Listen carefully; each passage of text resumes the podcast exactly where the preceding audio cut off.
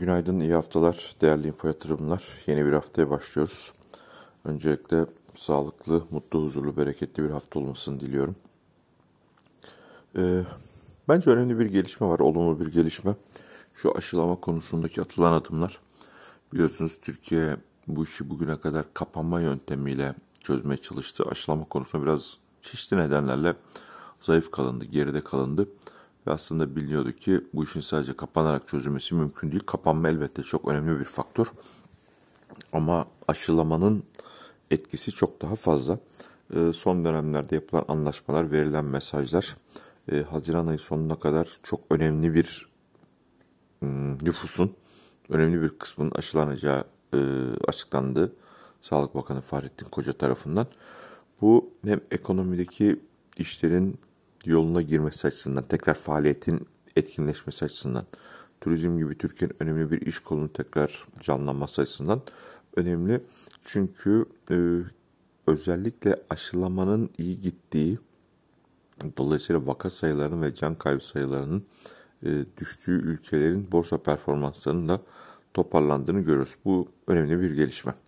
Diğer taraftan dışarıdan bakacak olursak e, özellikle Amerika'daki enflasyonun %4.2'lere gitmesi sonrasında bir faiz artışı tartışmaları başlamıştı ve son birkaç haftadır e, ilk adımın faiz artışı olmayacağını olsa olsa hali hazırdaki aylık 120 milyar dolar bir varlık alım programının azaltılması yönünde bir sinyal gelebileceğini düşündüğümü söylemiştim. E, hafta içindeki FED tutanaklarında bir miktar daha e, bu konu ön plana çıktığı gözüküyor.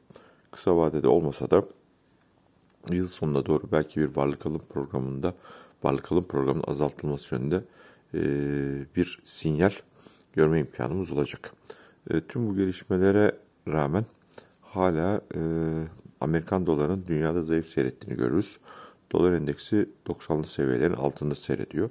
Ancak buna rağmen bizde içeride dolar TL kurunda bir baskının hala devam ettiğini görüyoruz. Ee, yani 31 Mart'tan bu yana yaklaşık %3,5'a varan bir gerileme var dolar endeksinde. Uluslararası doların zayıflaması, e, işte Euro dolar paritesi 1.22'lerin üzerinde. Ama buna karşılık içeride 8.25'ler e, seviyesindeki doların bugün 8.40'lar seviyesinde olduğunu görüyoruz.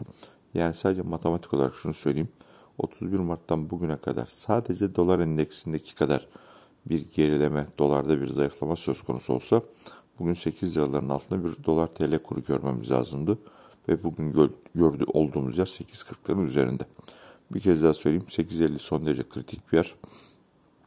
Ve bu 8.50'nin bir süre daha serbest piyasa kuralları çerçevesinde aşılmaması gerekiyor. Aşağıda ilk izlememiz gereken yer 8.32.25. Burası aşağı geçilmediği sürece TL'de bir değerlenme beklememiz çok kolay değil. Ancak her aşağı yönlü hareketin de, her aşağı yönlü harekette alıcıların tekrar kuvvetlenmesi muhtemel. Borsa tarafına bakacak olursak e, 100 günlük hareketli ortalamayı izlemeye devam edeceğiz. Yaklaşık 1480 seviyesinden geçiyor. Yeni haftanın ilk işlem gününde bir yatay başlangıç söz konusu olabilir. Özellikle haftanın son iki işlem gününde Ereğli ve Kardemir gibi e, iki hisse piyasa açısından yön belirleyici olduğu önce ciddi bir satış yedi piyasa. E, Ereğli ve Kardemir satış yedi.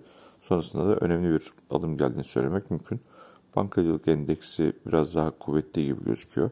Yeni bir yabancı giriş yok. Mevcut yabancının ve mevcut paranın zaman zaman sektör değişikliği yaptığı gözüküyor. İşte bankaları satıyorlar. Başta Ereğli Kardemir olmak üzere sanayi şirketlerine yöneliyorlar. Orada belli bir kar gördükçe bu sefer sanayi satıp dönüp banka alıyorlar. Ama görülen şu ki bankacılık endeksinin grafiğinde de bir dirence, kuvvetli bir dirence doğru yaklaşma söz konusu. Ama e, kaydın başında söylediğim bu aşılama konusunda atılacak adımlar ve bunların olumlu sonuçları piyasayı bir miktar daha yukarı doğru taşıma konusunda iştahlandırabilir ama ilk önce şu 100 günlük hareketli ortamın aşılması gerektiğini bir kez daha hatırlatalım. Altın tarafında ise sanıyorum 1850-1950 bandına artık geri dönmüş gibi gözüküyor. Buradaki hareketin bir kısmı e, tam açıklanamasa da özellikle kripto varlıklarda son dönemlerde yaşanan sert düşüşlerin etkili olabileceğine yönelik bir görüş var. E, ben aslında çok bu görüşte olanlardan değildim ama tam tersi hareketi altın fiyatlarındaki düşüşte görmüştük. O zaman dünyada 20 milyar dolarlık şeyin kripto paradaki alışın 7 milyar dolarlık kısmın altın satışlarından geldiğine yönelik bazı raporlar çıkmıştı. Bugün gelinen noktada zannediyorum kripto varlıklardaki e, gerileme. Tabi bir yandan Amerika'da enflasyon şeyleri de var, tartışmaları var. Altın fiyatlarını sabah saatlerinde haftanın ilk işleminde 1885 dolar seviyesine kadar getirdi. Yani oradaki tekrar uzun süre hareket ettiği 1850 1950 bandına doğru geldik. İçeride tabi kur etkisiyle beraber 510 liralar seviyesindeyiz. E, kısa vade bir teknik düzeltme söz konusu olabilir mi? Özellikle 1850 ve 1835'in ons bazında üstüne kalıp kalmayacağını biraz daha yakından takip etmemiz gerekecek. Tekrar herkese önce sağlıklı, mutlu, huzurlu, bol kazançlı, bereketli bir hafta diliyorum. Sağlıklı günler diliyorum. Görüşmek üzere, hoşçakalın, sevgiler, selamlar.